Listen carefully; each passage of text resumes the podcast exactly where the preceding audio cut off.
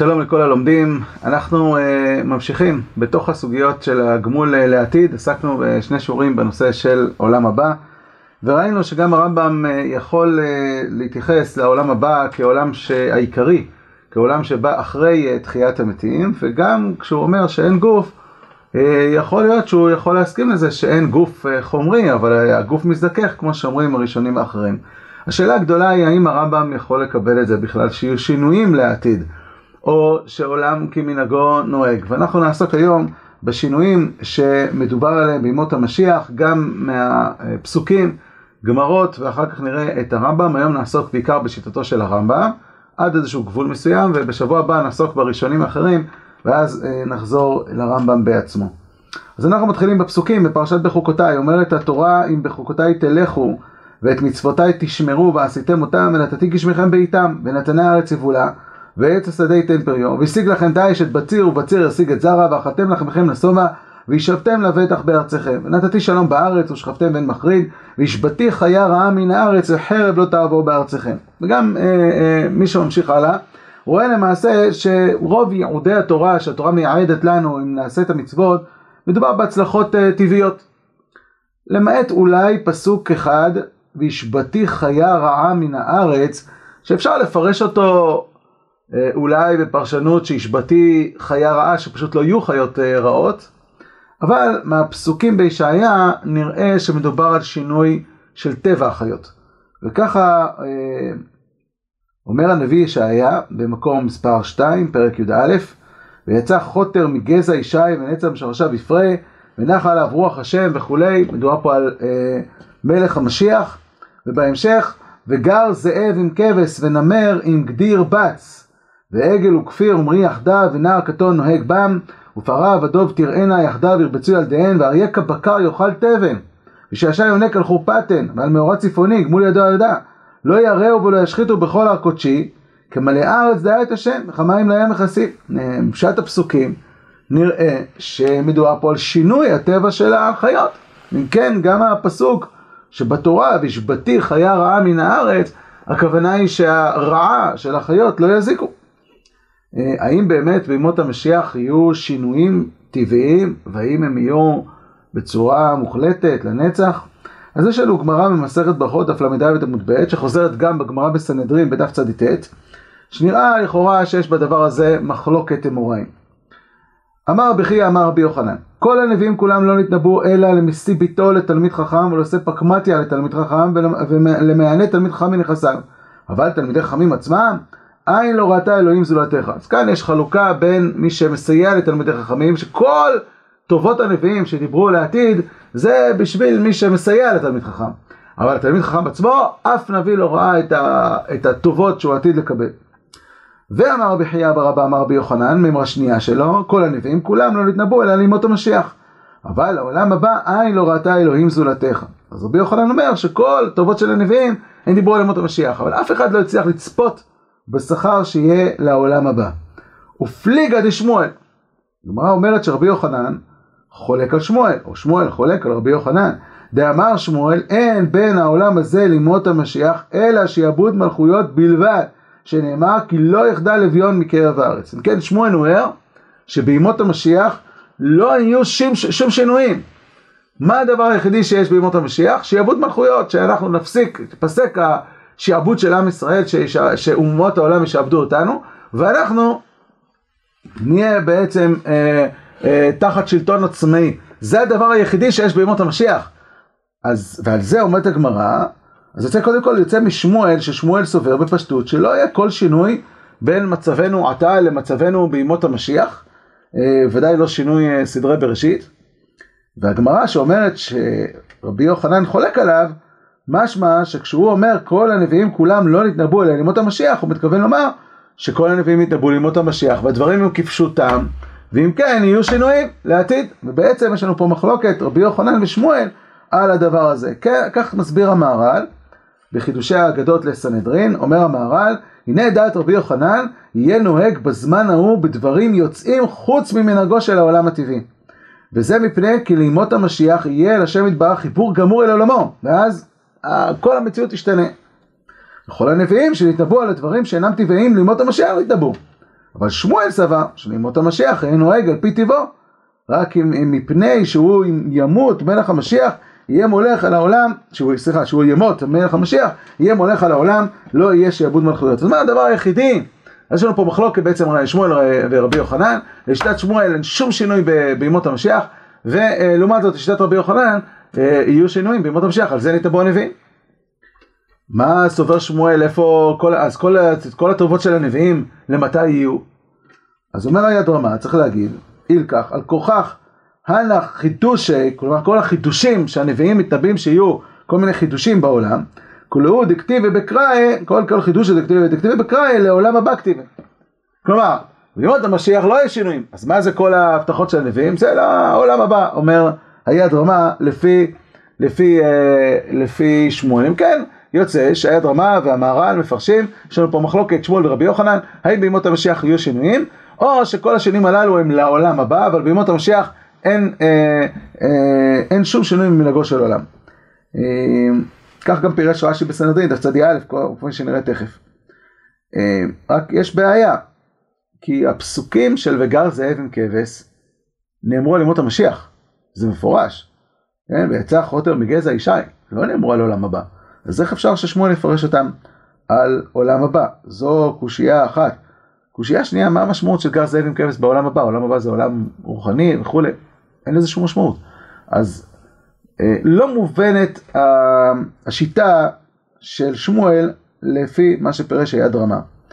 אז יש לנו גמרא נוספת בסנהדרין דף צדי א', גם בפסחין דף ס"ח, ושם הגמרא מביאה עוד שינויים ומתמודדת עם השינויים הנוספים אה, הללו.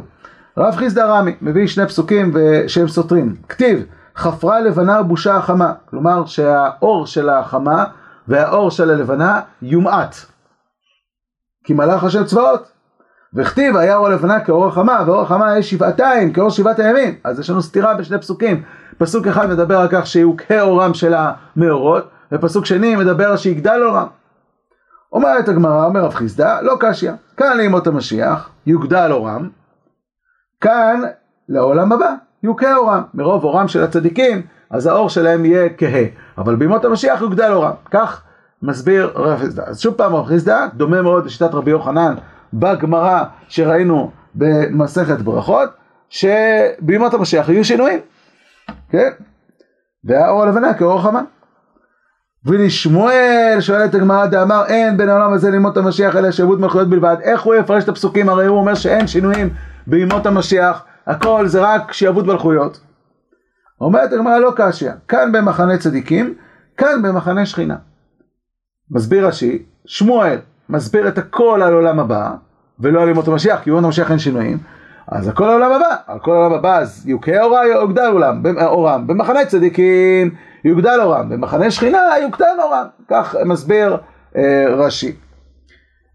אנחנו שואלים על רש"י, לא כל כך ברור, צדיקים לא נמצאים במחנה שכינה, אז איפה הם נמצאים בעולם הבא? מה זה הפיצול הזה, מחנה צדיקים ומחנה שכינה? רש"י כותב שיש גרסה שאותה צריך למחוק, כאן במחנה צדיקים, כאן במחנה רשעים. הוא אומר, מוחקים את זה. היסוד הוא כאן במחנה צדיקים, כאן במחנה שכינה. כל הפרשנות הללו לדברי שמואל צריכה קצת ביור, אבל אנחנו רואים למעשה שיש לנו פה עקביות בגמרות, למעשה ארבע גמרות שמדברות על חלוקה, שיטת שמואל שבימות המשיח לא, לא יהיו שינויים, ואז לכאורה אנחנו לוקחים את כל השינויים, כך אומרים הראשונים, היד רמה והרש"י, לוקחים את כולם לעולם הבא, ויש לנו אה, אה, את שיטת רבי יוחנן ושיטת רבי חיסדא שמדברים על שינויים שיהיו בימות אה, המשיח. ופליגה דשמואל. עכשיו אנחנו מגיעים לרמב"ם. הרמב"ם בהלכות מלכים פוסק במפורש כשיטת שמואל, הוא מביא אותו כהלכה פסוקה. וככה הוא כותב: אל יעלה הלב שבימות המשיח יבטל דבר ממנהגו של עולם, או שיש שם חידוש במעשה בראשית, אלא עולם כמנהגו הולך. וזה שנאמר בישעיה וגר זאב עם כבש ונמר עם גדיר בץ, משל וחידה. עניין הדבר שיהיו ישראל יושבים לבטח עם רשעי העולם, המשולים בזאב ונמר, שנאמר, וזאב ערבות ישדדם, ונמר שוקד על עריהם, וכולם יחזרו לדת האמת ולא יגזלו ולא ישחיתו, אלא יאכלו דבר המותר בנחת כישראל, שנאמר, אייק הבקר יאכל תבן. אם כן, הרמב"ם מפרש את כל הדברים שנאמרו בישעיה על תקופת ימות המשיח, משל וחידה, משל לאומות העולם וישראל. וכן כיוצא בדברים אלו הדברים הכתובים בעניין המשיח משלים הם ובימות מלך המשיח יוודא לכל איזה דבר הוא משל ומה העניין הרמוז בהן. לא, לא כל דבר אני, אני נתתי לך אופציה של פרשנות של משל אבל יכול להיות שהמשל הוא גם משלים נוסף, משל אחר. אמרו חכמים, פה הרמב"ם מצטט את שמואל, אין בין עולם הזה לימות המשיח אלא שיבוד מלכויות בלבד. ובאותו הזמן לא יהיה שם לא רעה ולא מלחמה ולא קינה ולא תחרות, שהטובה תהיה מושפעת הרבה וכל המדענים מצויים כעפר ולא יהיה עסק העולם אלא לדעת את השם בלבד.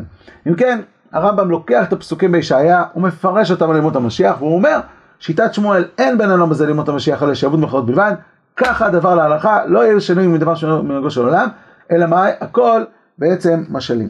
קצת קשה, כי הרמב"ם פוסק את שמואל, וזה נפלא, אבל הוא מעמיד לפי שמואל את כל הפסוקים בימות המשיח, והוא מעמיד אותם במשל. אם זו שיטת שמואל, למה הגמרא במסכת ברכות אומרת ששמואל חולק על רבי יוחנן? רבי יוחנן לא אמר כלום האם הפסוקים הם משל או לא משל. רבי יוחנן אמר רק דבר אחד, הוא אמר שכל הנביאים כולם לא ניבאו אלא לימות המשיח. אם גם שמואל סובר שכל הנביאים כולם ניבאו לימות המשיח, רק ששמואל סובר זה משל, מי אמר שהוא חולק על רבי יוחנן? אבל הגמרא אומרת, ופליגא דשמואל. האמת שזה קושייה לכאורה על הגמרא, רבי יוחנן בכלל לא דיבר על האם מדובר על משל או לא משל, הוא רק אמר שכל הנביאים דיברו על ימות המשיח. אם אתה מפרש שגם שמואל סובר שכל הנביאים דיברו על ימות המשיח, אבל אם משל, אז הם בכלל לא חלוקים. אבל זה קושייה בעצם על הרמב"ם, שמהגמרא מוכח שהיא לא הבינה את שמואל ככה. אמ, הרמב"ם עקבי בפירושו, כי בהלכות תשובה הוא פוסק גם את רבי יוחנן. כלומר, הוא לא ראה שיש מחלוקת בין שמואל לבין רבי יוחנן. אה, וככה הוא כותב, כבר הודיעונו חכמים הראשונים שטובת העולם הבא אין כוח באדם להשיגה על בוריה, ואין יודע גודלה ויופייה ועוצמה אלא הקדוש ברוך הוא לבדו, שכל הטובות שמתאמים בהם הנביאים לישראל אינם אלא לדברים של הגוף, שנהנים בהם ישראל בימות מלך המשיח. בזמן שתחזור הממשלה לישראל, אבל טובת חיי, חיי העולם הבא, אין לה ערר ודמיון ולא דימו הנביאים כדי שלא יפחתו אותה בדמיון. הוא שישעיהו אומר, עין לא ראתה אלוהים זולתך, יעשה למחכה לו. כלומר, הטובה שלא ראתה אותה אין נביא, ולא ראה אותה אלא אלוהים. עשה, עשה אותה אלוהים לאדם, עשה אותה האלוהים לאדם שמחכה לו. אמרו חכמים, פה הרמב"ם מצטט, באותה צורה, את רבי יוחנן, כל הנביאים כולם לא לא נדברו אלא למות המשיח. אבל העולם הבא אין לו ראתה אלוהים זולתך. אז הרמב"ם בהלכות תשובה פוסק את רבי יוחנן, הרמב"ם בהלכות מלכים פוסק את שמואל, הגמרא אומרת שהם חלוקים, אבל אומר הרמב"ם לא חלוקים, כי אם אני מפרש את שמואל, שגם הוא מפרש כל הנביאים ידברו למות המשיח, לעולם הבא אין לו ראתה אלוהים זולתך. אז, וממות המשיח זה הכל משלים, אז בעצם אין מחלוקת רבי, בין רבי יוחנן ובין שמואל. אלא מאי? יש מחלוקת בין הרמב"ם ובין הגמרא, הגמרא אומרת ופליגה דשמואל, אז איך אפשר להסביר את זה? עד כדי כך הדברים היו קשים. תראו את הדברים שכותב הרב אלישיב למסכת ברכות. הוא אומר, מצינו בזה סתירה בדברי הרמב"ם וכולי, ועיין באמרי נועם להגרא, סוף פרק כמה, שישב שאלו ואלו דברי אלוקים חיים, בפרק ט' דיבר הרמב"ם על ימות משיח בן יוסף, כפל הלכות תשובה, ששם לא יהיה שינויים בטבע, ובפרק אה, ז' דיבר על ימות משיח בן דוד, שאז יתקיימו כל הנבואות ויהיו שינויים. אז הגר"א מציע, תירוץ שיש שני ימות המשיח, יש ימות המשיח של משיח בן יוסף שלא יהיו שינויים, ויש ימות המשיח שיהיו שינויים שעליהם אה, ניבאו הנביאים, כמו שאומר רבי יוחנן. אה, מוסיף על זה הרב אליושיב, והנה אף שבגמרא איירי להדיא שנחלקו בזה רבי יוחנן ורבי אה, אבאו ורבי שמואל, ואילו לדעת הרמב"ם לא פליגי, אין זה קשה, למה אין זה קשה? שהרי כבר הבאנו לעיל דברי תוספות יום טוב בן נזיר, שכתב שכל שאין בזה נפקא מינא להלכה, רשאי כל אדם לפרש את התורה שבעל פה לפי הבנתו, אף שלא כהתלמוד. פלא. אומר פה הרב אליושיב, תשמע, כיוון שאין בזה נפקא מינא להלכה, זה עניינים שבאמונה, אז כל אחד יכול לפרש את התלמוד איכשהו, יכול לפרש את, ה, את הממרות, אה, את התורה שבעל פה כפי הבנתו, גם לא לפי התלמוד. הדבר הזה הוא תמוה ביותר. אני רוצה להסביר למה הוא תמוה. הוא תמוה משום שיש הבדל בין לבוא ולהגיד שיש ממרות בחז"ל, אה, ואנחנו פוסקים כממרה אחת, ואין כללי פסיקה ב, ב, בענייני אמונה. אני יכול לקחת מדרש אחד של חז"ל, שחולק על מדרשים אחרים, הלכה כרבי יוחנן מול שמואל בהלכות, אבל בענייני אמונה יכול להיות שאני אפסוק כשמואל. אבל להגיד שאני מפרש את האמוראים לא כמו המסורת שהתלמוד מפרש אותו, שהתלמוד מוסר לי אותו. התלמוד בא ומספר לך מה אמר רבי יוחנן. התלמוד בא ומספר לך מה אמר שמואל. ואתה אומר לא, אני מפרש את זה אחרת מהתלמוד, את הדברים שלהם. זה דבר פלא, איך אפשר להגיד כזה דבר? אז אם ככה, אפשר גם אה, בכלל להגיד שרבי יוחנן לא אמר את הדברים. אפשר לך לשנה, להגיד דברים אחרים בכלל. דברים שהרב אלישיב אה, כאן קשים מאוד, ולמעשה אני לא מצאתי אה, ב... בפוסקים שאמרו דבר כזה, אמרו שאין פסיקה בענייני אמונה, אבל לא שאנחנו מפרשים אחרת את דברי האמוראים אה, בניגוד למסורת שהתלמוד מפרש אותם. זה דבר שהוא קשה. אה, אבל יותר קשה זה הדברים שכותב הגאון, הגר"א. הגר"א אומר, אין מחלוקת, זה משיח בן יוסף, זה משיח בן דוד. מה הטעם של שמואל, לפי הרמב"ם, שאין בין העולם הזה למות המשיח אלא שעבוד מלכויות? אז בואו ניכנס לטעם שהרמב"ם מסביר. ולפי הטעם הזה נראה שאי אפשר להגיד שיהיו שינויים לא בזמן משיח בן יוסף, לא בזמן משיח בן דוד. החלוקה הזאת שעושה הגאון ברמב"ם היא לא נראית אפשרית. אז אנחנו מתחילים מהרמב"ם באיגרת חיית המתים. הרמב"ם כותב כך, וכן נסתפק עליהם באומרנו שמאמר ישעיה וגר זאב עם כבש הוא משל, כן, תקפו את הרמב"ם על זה, איך תפרש את זה כמשל וכפשוטו. וזה שלא לא אנחנו לבד אמרנו, אבל כבר אמרו, קדמונו להבנת זה העניין, אנשי התבונה מן המפרשים, יש עוד מפרשים שפרשו ככה. סוף הדברים. עכשיו הרמב"ם מביא לך ראיה מהפסוק עצמו, שזה חייב להיות משל, וזה לא כפשוטו, לא מדובר פה על החיות בכלל. הנמר והזאב והכבש והאריה, כולם הם משלים. מביא לך מהפסוק עצמו. סוף הדברים של הנביא שהיה יורה עליו. והוא אומרו, לא יראו ולא ישחיתו בכל הקודשי, למה? כי מלא הארץ דעה את השם. אם מדובר בחיות, החיות יודעות את השם, החיות עכשיו לא יודעות את השם ולכן הן אוכלות אה, אה, כבשים, ועכשיו שהם ידעו את השם, הם יפסיקו לאכול כבשים? מה זה קשור? הנה כבר נתן טעם להיותם בלתי חומסים ולא מזיקים לדע, לדעתם השם. התראו אתם קהל ישראל, מי שיש לו שכל, שיהיה אריה בזמנו זה מורה, כלומר לא מכיר את בורו, ולזה הוא טורף, ואז ישוב וידע מבורו מה שצריך וידע שאין ראוי להזיק, וישוב לאכול תבן? הנה נתקיים בזה שנאמר ותהי לכם חסות הכל דברי, כדברי הספר החתום. מי שמפרש ככה לא, לא, לא מבין את הפסוקים. אבל אנחנו כבר ביארנו זה בפירוש ספר מורה נבוכים בחיבור ביארנו ראייתנו גלויה ומורם שימות המשיח אין בהם דבר משינוי סדר בראשית. אז אומר הרמב"ם קודם כל הפסוקים מפורשים, שחייבים לפרש את זה כמשל שמדובר פה על בני אדם שיודעים את השם ולא יודעים את השם. היום הגויים לא יודעים את השם, אז הם חומסים וגוזלים ועושים דברים נוראים. אבל כשהם ידעו את השם, מלא הארץ כדאי את השם, אז כולם אה, אה, יעבדו את האלוה, וממילא ברור שזה דבר במשל על ישראל ואומות העולם. אתה רוצה לפרש את זה כעל החיות? נו, אז אני אתן לך פרשנות. ואפשר שיאמר גם כן כי כשירבה היישוב ותשמן הארץ, כן, אם תרבה הדעת, אז ממילא יהיו, לא יהיו מלחמות, לא יהיו מלחמות, היו הרבה אנשים שבעצם אה, אה, יתיישבו בכל העולם, מה זה יגרום? זה יגרום למצב שהחיות הרעות ידחקו אה, אל אה, מחוץ ליישובים עד שכמעט הם ייעלמו. ימעט נזק בעלי החיים בהתקרב קצתם, זה עוד אפשר להסביר, אבל לא יש, שיש שינוי בטבע אה, החיות. אה, והרמב"ם קובע עיקרון גם באיגרת חיית המתים וגם במורה נבוכים, מתי אנחנו מפרשים פסוקים כמשל, מתי אנחנו מפרשים את הפסוקים כפשוטם. למה שלא תגיד שקריאת ים סוף, מתן תורה, היה משל? למה את הפסוקים הללו אתה מפרש כמשל, שגר זאב עם כבש? והרמב"ם כותב שהעיקרון הוא עיקרון אחד. אם יש משהו שהוא מהנמנעות, כלומר שהוא סותר את השכל, אז חייבים לפרש את הפסוקים כמשל. למשל, העניין של האלוה שהוא לא מוגשם ושאין לו גוף ושאין לו דמות הגוף זה מה, מהדברים הפשוטים מהנמנעות. כיוון שזה מהנמנעות אז כל פסוק שמדבר על הגשמה ברור שהוא משל.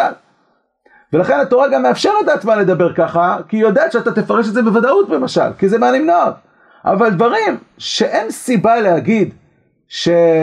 שהם משל מצד חובת השכל אז חייב להיות שהם כפשוטה. לכן הרמב"ם כותב גם על תחיית המתים בימי דניאל, אומר, שכתוב בספר דניאל, אומר כיוון שדניאל כתב שיהיה תחיית המתים, אין סיבה מצד השכל להגיד שלא יהיו. הניסים, מי שכופר בניסים, בגלל, אז בגלל שהוא מאמין בקדמות העולם, אז הוא כופר בכל התורה כולה.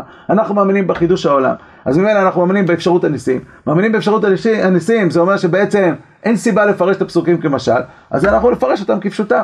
ואותו דבר אומר הרמב"ם גם על אה, בראשית ברא אלוקים. אפשר לפרש את הפסוקים, אומר הרמב"ם, כשיטת אפלטון, שהעולם, אה, אה, שהיה חומר יולי, קדמון, והאלוה יצר וברא את העולם מחומר יולי. אומר הרמב"ם, אפשר לפרש את הפסוקים. אבל אני מפרש את הפסוקים כפשוטם, למה? כי אין ראייה לשיטת אפלטון. כיוון שאין ראייה מוס, אה, שכלית לשיטת אפלטון, אנחנו בעיקר מפרש את הפסוקים כמשל. אז למה אתה מפרש את גר זאב עם כבש כמשל? אומר הרמב"ם, כי זה מהנמנעות. ככה הוא כותב. ואני קצת קפצתי גם על דבר, כי הגיע תחיית המתים והרמב"ם מורה נבוכים פרק כ"ה בחלק ב' אה, אמרתי בעל פה, אה, אבל בואו נקרא למה פה בסוגיה שלנו זה מהנמנעות. אומר הרמב"ם הגיע לתחיית המתים. וכבר נודע שאנו נברח מאוד משינוי סדר בראשית. ואומנם יטעה כל מי שיטעה ממי שקדם מי שיתאחר, שפרשו את, הפסוק, את הפסוקים כפשוטם. מה הבעיה? זה נס. מה, אתה לא מאמין בניסים?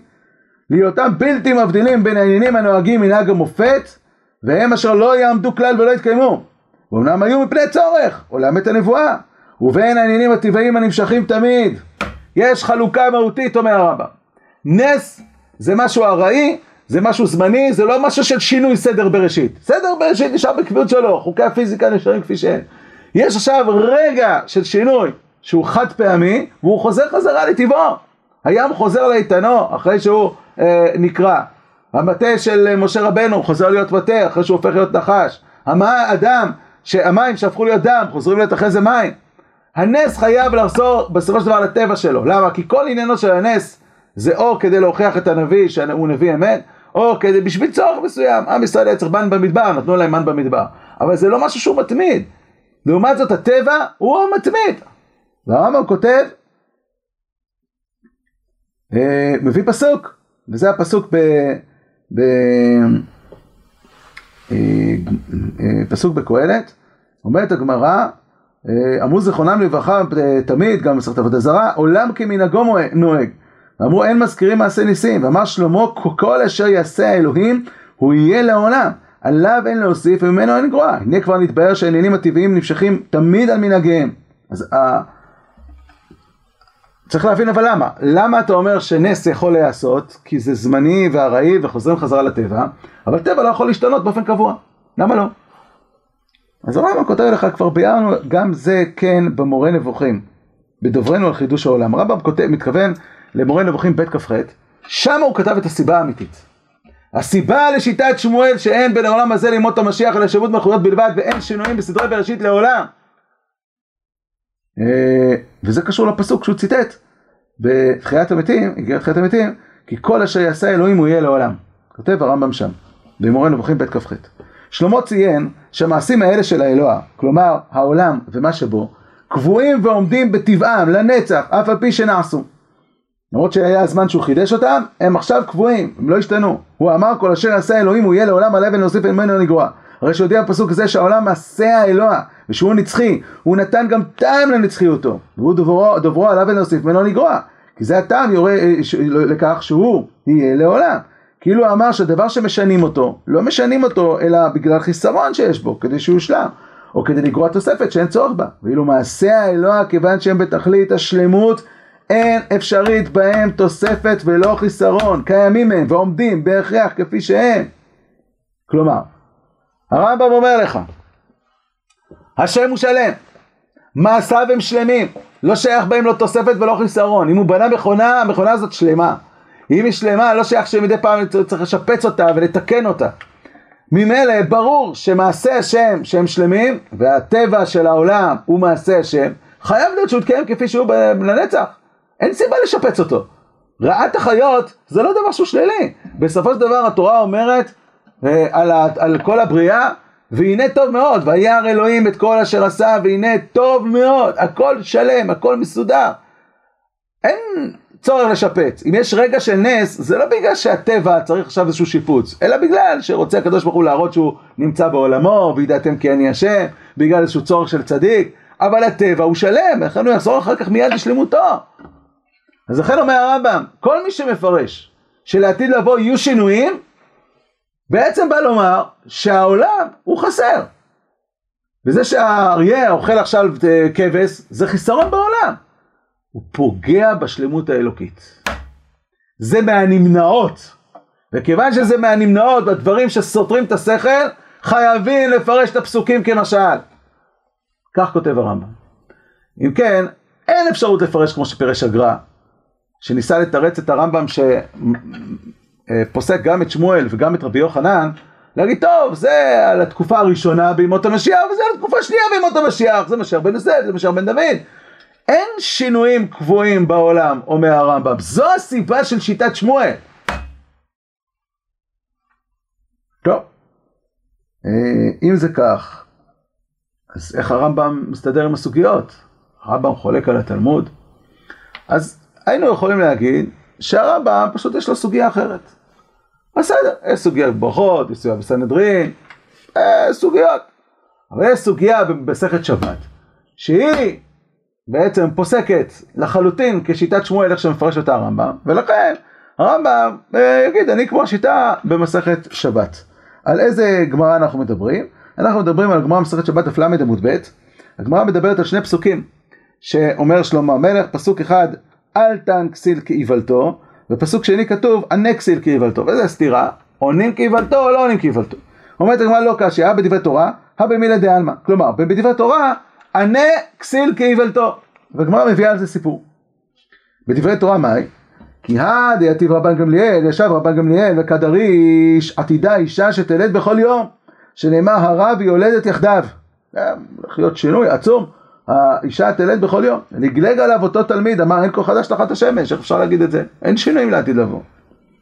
אמר לה בוא ברך דוגמתן בעולם הזה, נפק, יצא, ואח ולי תרנגולת. אמר תשמע, גם הנה, היום תרנגולת גם לידה, אתה רואה, זה לא שינוי. טור, שוב ישב רבן גמליאל, נתיב רבן גמליאל וכדריש, עתידים אילנות להוציא פירות בכל יום, שנאמר, ונשא ענף ועשה פרי. מה ענף בכל יום? פרי בכל יום. נגלג עליו אותו תלמיד, אמר והכתיב אין כה חדש תחת השמש. אמר בוא ברך דוגמתם בעולם הזה, נפק ואח ולי צלף, שמוציא פירות בכל יום. ותו יתיב רבן גמליאל וכדריש עתידה ארץ ישראל שהוציא גלוסקאות, כלומר אה, אה, עוגות וכלי מלט, כבר הכל משהו מוכן ללבישה. שנאמר ויהי פיסת בר בארץ. נגלג עליו אותו תלמיד אמר כל חדש תחת השמש. אמר להם ברך דוגמתם בעולם הזה, נפק אך ולקמים ופטריות, זה לגבי דברים שאפשר לאכול אותם ישירות בלי צורך בבישול, והכלי מלט נברה בר קורה. אז אם כן, מה כתוב כאן? לכאורה רבן גמליאל, בא אותו תלמיד, אמר אין כל חדש תחת השמש, אנחנו היינו מפרשים אולי את הגמרא, אומר לו רבן גמליאל זה לא חדש, הנה יש שורש של החידוש הזה כבר בעולם הזה, זה כבר קיים. הנקסים קיבל טוב, בוא נראה לך שזה לא חדש. אבל הרמב"ם לא מפרש ככה, הרמב"ם מפרש הפוך לגמרי. וככה הוא כותב אה, אה, בהקדמה לחלק, אבל באותם ימים, בימות המשיח, תקל על בני אדם פרנסתם מאוד. עד שבעמל מועט ביותר שיעמול לאדם יגיע לתועלת גדולה. וזהו עניין או מאמרם עתידה ארץ ישראל להוציא גלוסקאות וכלי מלאט. לפי שבני אדם אומרים שכאשר ימצא מישהו דבר מה על נקלה, מוכן, מצא פלוני לחם אפוי. לא באמת מצא לחם אפוי, פשוט היה לו קל לעשות את זה. אז שרבן גמליאל אמר שעתידה ארץ ישראל להוציא גלוסקאות וכלי מלאט, הוא לא התכוון להגיד שעכשיו העצים יוציאו אה, עוגות. מה פתאום? הכוונה היא שכל המערכות יהפכו להיות מאוד מאוד משוכללים. עד כדי כך שבקלות אדם יהיה לו קל להשיג עוגה, להשיג אה, לחם, להשיג אה, בגדים, הוא לא יצטרך לעמול כמו שהוא עמל, כמו שהוא עמל עכשיו. זה הכוונה של רבן גמליאל, שיש שינויים בטבע, שיהיה יותר קל, הכל יהיה בעצם בשפע. זה הכוונה של רבן גמליאל. עכשיו, אז אם ככה, כשהתלמיד אמר אין כה חדש תחת השמש, מה הפריע לרבן גמליאל? אומר הרמב"ם, הפריע לרבן גמליאל שהתלמיד הזה הוא כסל. מה הוא התכוון? הוא חשב באמת שאני מתכוון שאישה הולכת ללדת בכל יום? הוא באמת מתכוון, או ככה חשב שעלה לדעתי, שעתידה, עתיד העצים להוציא אה, עוגות? כיוון שהוא כסיל, ענה לו קיבלתו, אמר לו כן כן הנה תראה יכול לצאת. אומר הרמב"ם, לפיכך כעס זה החכם, האומר זה הדבר על תלמידו, כאשר לא הבין ממנו זאת הכוונה, וחשב שהדברים כפשוטם. בוא שיבו כשיעור השגתו, השאיר אותו בתפיסה שלו המוטעית, ולא זוהי התשובה. אומר הרמב"ם, זה הנקסיל קיבלתו, זה כסילות להבין שרבן גמליאל התכוון כפשוטה. אם כן, מה מוצא מהגמרא במסורת שבת על פי הרמב"ם? שרבן גמליאל סובר שהעולם לא ישתנה. אין כל חדש תחת השמש, לא יהיו שום שינויים. וכל מה שאנחנו אומרים, אנחנו מתכוונים שיש שפע גדול. זה הכוונה. ומי שמבין את הדברים כפשוטם, נו, זו כסיל. הוא כסיל. ענה כסיל כאיוולתו. לא זו התשובה. אז אפשר היה להגיד, הנה, הרמב"ם מביא את הגמרא במסכת שבת כחיזוק לשיטתו. בסדר, יש דעות אחרות, יש סוגיות אחרות, אבל כך שיטתו של הרמב"ם. אבל אה, יש תירוץ או הסבר הרבה יותר אה, אה, מדויק ברמב"ם, אה, איך הוא הביא גם את שמואל וגם את רבי יוחנן, ואיך הוא הבין גם את הגמרא בברכות והגמרא בסנהדרין. אה, יש גמרא במסכת שבת תקנ"א שמובאת עוד פעם מחלוקת בין שמואל לבין אה, ממרה אחרת. הגמרא אומרת, והגיעו שנים אשר תאמר אין לי בהם חפץ, אלו ימות המשיח שאין בהם לא זכות ולא חובה. מה, מה זאת אומרת?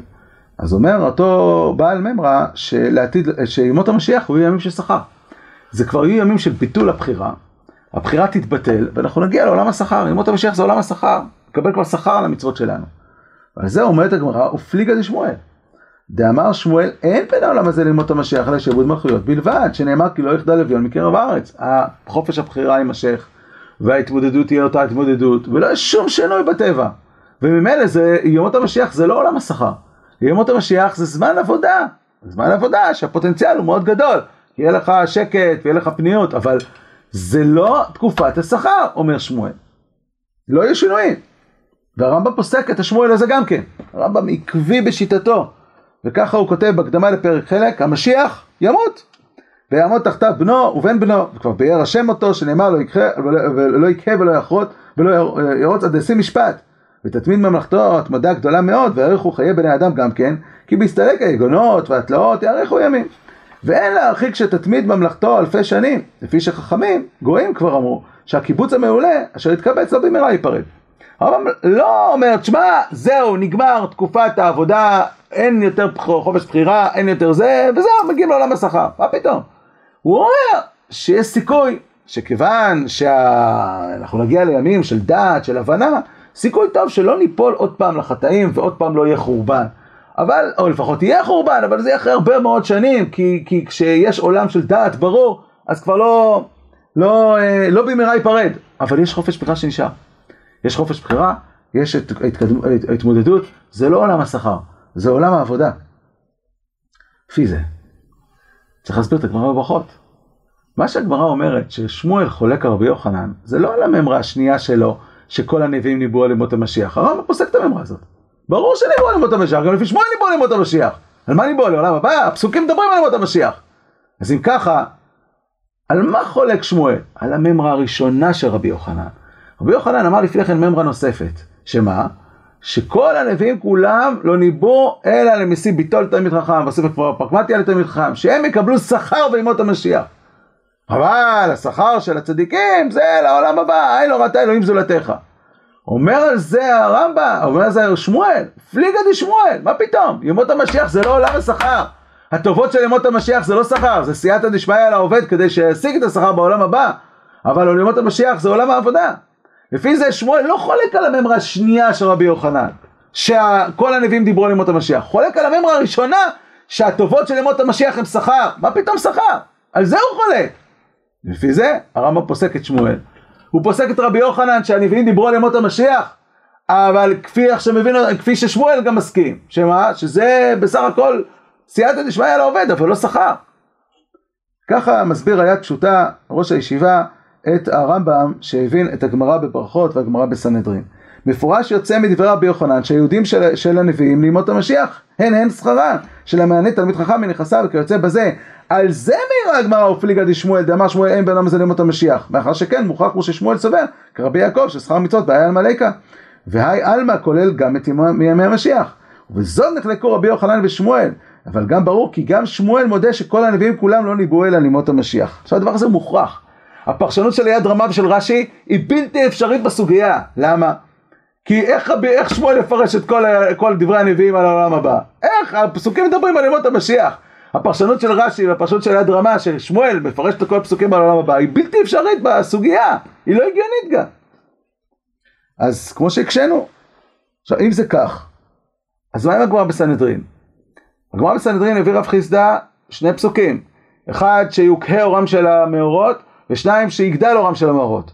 רב חיסדא אומר, הכל, אה, זה לימות המשיח וזה לעולם הבא. אבל אז הגמרא שואלת, אבל שמואל סובר שאין בעולם הזה לימות המשיח שיעבוד מלכויות, ואז אומרת לא קשיא, כאן במחנה צדיקים, כאן במחנה שכינה. אומר רש"י, הכל לעולם הבא, אבל ראינו שכבר לפי הרמב"ם, שמואל לא מפרש את הפסוקים האלה לעולם הבא, הוא מפרש אותם לימות המשיח, הוא מפרש אותם כמשל. נכון? לפי זה. אידי, מה שכתוב לא קשיא, כאן במחנה צדיקים, כאן במחנה שכינה, קודם כל זה לא הגרסה של הרמב"ם. רש"י בעצמו אומר שהוא תיקן את הגרסה. והגרסה שהייתה לרמב"ם, והיא הגרסה הקדומה יותר, כאן במחנה צדיקים, כאן במחנה רשעים. הכל זה על ימות המשיח.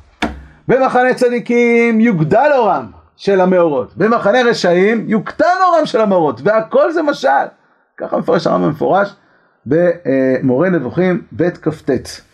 כותב הרמב"ם, די איפה שדבריו של ישעיה עליו השלום חוזר הרבה מאוד, ובדברי זולתו מעט, שכשהוא מספר על התמוטטותה של מדינה, על אובדן אומה גדולה, הוא מביע זאת בביטויים שהכוכבים נפלו. וכאשר הוא מתאר את דרך שגשוגה של מדינה והתחדשותו של עושר, הוא אומר על דרך ההשאלה שמתווסף להם אור שמש וירח, והתחדשו השמיים והתחדשה הארץ. והיה אור הלבנה כאור החמה, ואור החמה יש שבעתיים כאור שבעת הימים, אומר הרמב"ם, אני אסביר לך מה זה אור שבעת הימים. נראה לי שהוא רומז על שבעת הימים של חנוכת הבית שהיו בימי שלמה שמעולם לא היו לאומה שגשוג, עושר ושמחה, שמחת הכל, כמו שהיו באותם ימים. לכן אמר, אז והיה אור הלבנה כאור החמה, אור של המאורות משל בנביאים להצלחה של מדינה. כשכתוב והיה אור הלבנה כאור החמה ואור החמה יש שבעתיים כאור שבעת הימים יש פה רמז שהמדינה שתהיה לעתיד לבוא תהיה כל כך משגשגת שאנחנו נחזור לימים השלמים של ימי שלמה, השיא של שבעת הימים של חנוכת הבית. זה מה שמתכוון הנביא. ומה זה אה, יוקהה אורם של הזה? זה כלפי הרשעים, כלפי הגויים, שיפלו הכוכבים, הם יפלו, יוקהה אורם. זה מה שאומר רבא בהלכות תשובה, בפרק ט', שהבטיחנו השם בתורה, שאם נעשה אותה בטובת נפש וכולי וכולי, אז הוא יסיר מאיתנו את כל הדברים המונים אותנו מלעשותה, וייתן לנו את כל השפע הנצרך. ואם נעזוב את התורה, אז אה, וישמע נשורון וידעת, שדיין האמת יסיר את מן העוזבים כל טובות העולם הזה. זה בדיוק מה שעונה שמואל. אתה רואה שני פסוקים, אחד שיוגדל אורם, אחד שיוקה אורם, הכל זה על ימות המשיח, אחד. שניים, הכל זה משל. שלוש, מה המשל? כאן במחנה צדיקים, כאן במחנה רשעים. הפוך מהפרשנות של רש"י והיד רמה, ששמואל מעביר את הנבואות הללו לעולם הבא. זה, אין, אין, לפי שמואל אין שינויים בכלל, אלא הכל זה משל. כאן יצא לנו גם אה, המקור של שיטת הרמב"ם לכך ששמואל מפרש את הפסוקים כמשל. זה הגמרא בסנהדרין, שאומרת כאן במחנה צדיקים, כאן במחנה רשעים, והכל על דרך אה, משל. זה נפלא. אם כן, נסכם את שיטת שמואל אה, ובעצם נעשה את שיטת הרמב"ם. אה, יוצא שבימות המשיח אין, כל, אין שום שינוי בחוקי הטבע, ואפילו הבחירה לא תשתנה, הכל כמנהגו נוהג. ימות המשיח זה לא זמן קבלת השכר, אלא המשך זמן העבודה, אלא שתהיה השפעה מאוד מאוד חזקה וטובה לצדיקים שיצליחו, שיסייעו להם, להם להתקדם בעבודת השם. ולכן כותב הרמב"ם בסוף הלכות מלכים, סוף משנה תורה, שלא נתבעו הצדיקים וכולי לימות המשיח, אלא כדי שיהיו פנויים לעסוק בתורה. וזה מצד שני יוצר רוב רע לרשעים, כי מי שרוצה לחטוא, יש לו את כל השפע שבעולם לחטוא ולעשות את כל התאוות שבעולם, אה, ולדרדר את עצמו לאבדון. אז אה, נמצא שכאן במחנה צדיקים, כאן במחנה אה, רשעים, ואם כך, הדברים שהביא הרב אלישיב, שהרמב"ם לא, לא פירש את, ה, את, את הממרות של, של האמוראים, כפי שהגמרא מביאה, בלתי אפשריים, וראינו שלא אה, רק שלא שייכים להיאמר, אלא באמת הם, הם, הם גם אה, לא מסבירים את הרמב"ם. כשאתה נכנס לרמב"ם לשיטתו, וכל הספרות שלו אתה רואה שזה לא שיטתו. שתיים, אה, גם הדברים של הגר"א צריכים עיון. הגר"א אומר, טוב, זה מות המשיח בן יוסף, זה משיח בן דוד, לכאורה, לפי מה שראינו עכשיו, לרמב"ם לא אמורים להיות שום שינויים. הרמב"ם לא רק אומר שלא יכול להיות שיהיו שינויים, הוא אומר זה מהנמנעות. למה? כי מעשי השם שלמים, וכיוון שמעשי השם שלמים, אז גם חוקי הטבע שלמים, לכן אין שלושי ארבעים לא תוספת ולא חיסרון. ולכן שמואל מפרש את כל הפסוקים כמשל, והכל על ימות המשיח, כפי שהסברנו. אחרי כל הדברים שראינו, אנחנו רוצים לסיים בדברים שכותב הרמב"ם בגלל תחיית המתים. אומר הרמב"ם, תקשיב, אתה יודע מה? אתה רוצה לפרש את הפסוקים בישעיה שמדברים על, הכבשים ועל האריות ולפרש אותם כפשוטם שאריה יהיה אריה, לא שלא יהיה אריה, יהיה אריה ואריה יראה כבש והוא לא יאכל אותו, הוא יאכל תבן ויש שינוי בתוואים. אומר רבם אני באמצע.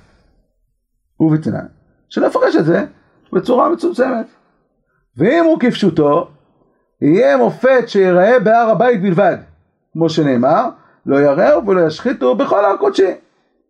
ויהיה יוצא כיוצא בדבריהם לא הזיק נחש ועקרב בירושלים. עכשיו, לפרש לא הזיק נחש ועקרב בירושלים, היה אפשר לפרש, כי אין נחשים ועקרבים בירושלים, יש שכינה שמונעת בנחשים, אבל שיהיה עקרב ואתה תגיד לו שלום עליכם ותיקח אה, נחש וילד ייקח אה, את האצבע שלו ויכניס ב, בעין של הנחש כמו שאומר הנביא ישעיה והוא יעשה לו שלום אה, זה לא כתוב בגמרא, במשנה במסכת אבות שלא הזיק נחש ועקרב בירושלים במובן הזה. הרב אומר, תשמע, אין לי בעיה לפרש את זה שבאמת רעת החיות תשתנה. אבל זה בהר הבית בלבד, זה בירושלים בלבד. רגע, אתה אמרת שרעת החיות זה לא דבר שהוא שלילי, זה חלק מהשלמות של העולם. אין סיבה שזה ישתנה. אם זה כך, למה שהנביא יגיד שבירושלים נגיע למקום שאריה יאכל תאבן פתאום בצורה ניסית, וזה כן יכול להיות לעולם? או שהכוונה היא לא לעולם, אלא כל התקופה של ימות המשיח עד שהכל יידרדר שוב מחדש? מה אומר פה הרמב"ם? האם הרמב"ם פותח פה פתח למשהו אחר? האם בספרות של הרמב"ם יש גם מימד אחר שמכניס לא רק את השיטה של שמואל בצורה מלאה כפי שראינו היום והסברנו אותה יפה, אלא גם את האמירות שמדברות על שינויים שיהיו לעתיד. וזה כן יכול להיות אפשרי בגבולות מסוימים שהרמב"ם מוכן להכיל אותם. אנחנו בעזרת השם בשבוע הבא נעסוק בשיטה שחולקת על הרמב"ם, קודם כל בתנאים ובאמוראים ובראשונים, חולקת על שמואל. ואחר כך ננסה לראות איזושהי תמונה שלמה של הסוגיה הזאת, שתתחבר לנו לשתי הסוגיות הקודמות שעסקנו בענייני העולם הבא. עד כאן, שיהיה יום טוב והצלחה בהמשך הלימוד לכל הלומדים.